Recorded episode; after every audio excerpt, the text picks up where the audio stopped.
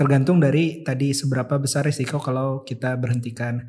Hanya saja sebenarnya di luar dari keputusan uh, memberhentikan atau tetap melanjutkan bekerja sama dengan yang bersangkutan, sebenarnya kita juga harusnya mendapatkan refleksi dari kejadian ini. Kok bisa ya uh, ada tim kita yang seperti ini?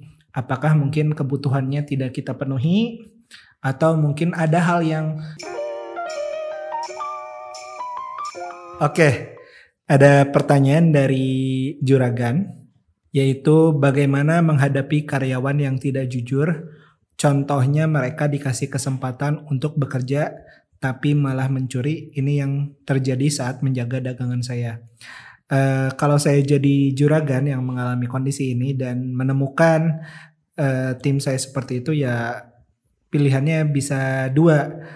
Uh, dia berubah di tim kita artinya dia jadi jujur dengan statusnya masih karyawan kita atau dia jadi jujur dengan statusnya jadi karyawan orang lain. Nah, itu mungkin pilihannya ya. Jadi sesederhana masih dijaga tapi kita bina supaya dia berubah atau kita uh, berhentikan.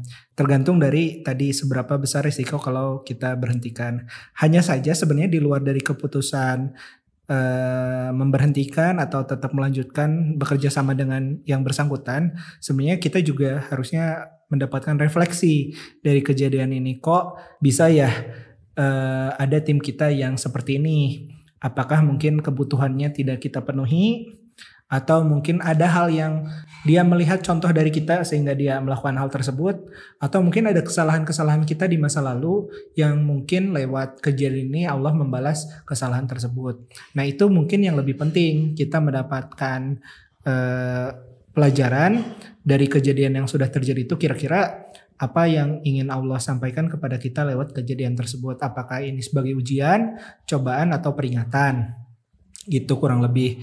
Tapi lagi-lagi mungkin ada yang harus dievaluasi dari bagaimana kita cara merekrut orang di awal, terus bagaimana kita mendidik dari dan bagaimana pula kita mencontohkan perilaku kita di dalam perusahaan sehingga kok bisa ya uh, membuat salah satu tim kita uh, berbuat tidak jujur misalnya mencuri dalam konteks ini.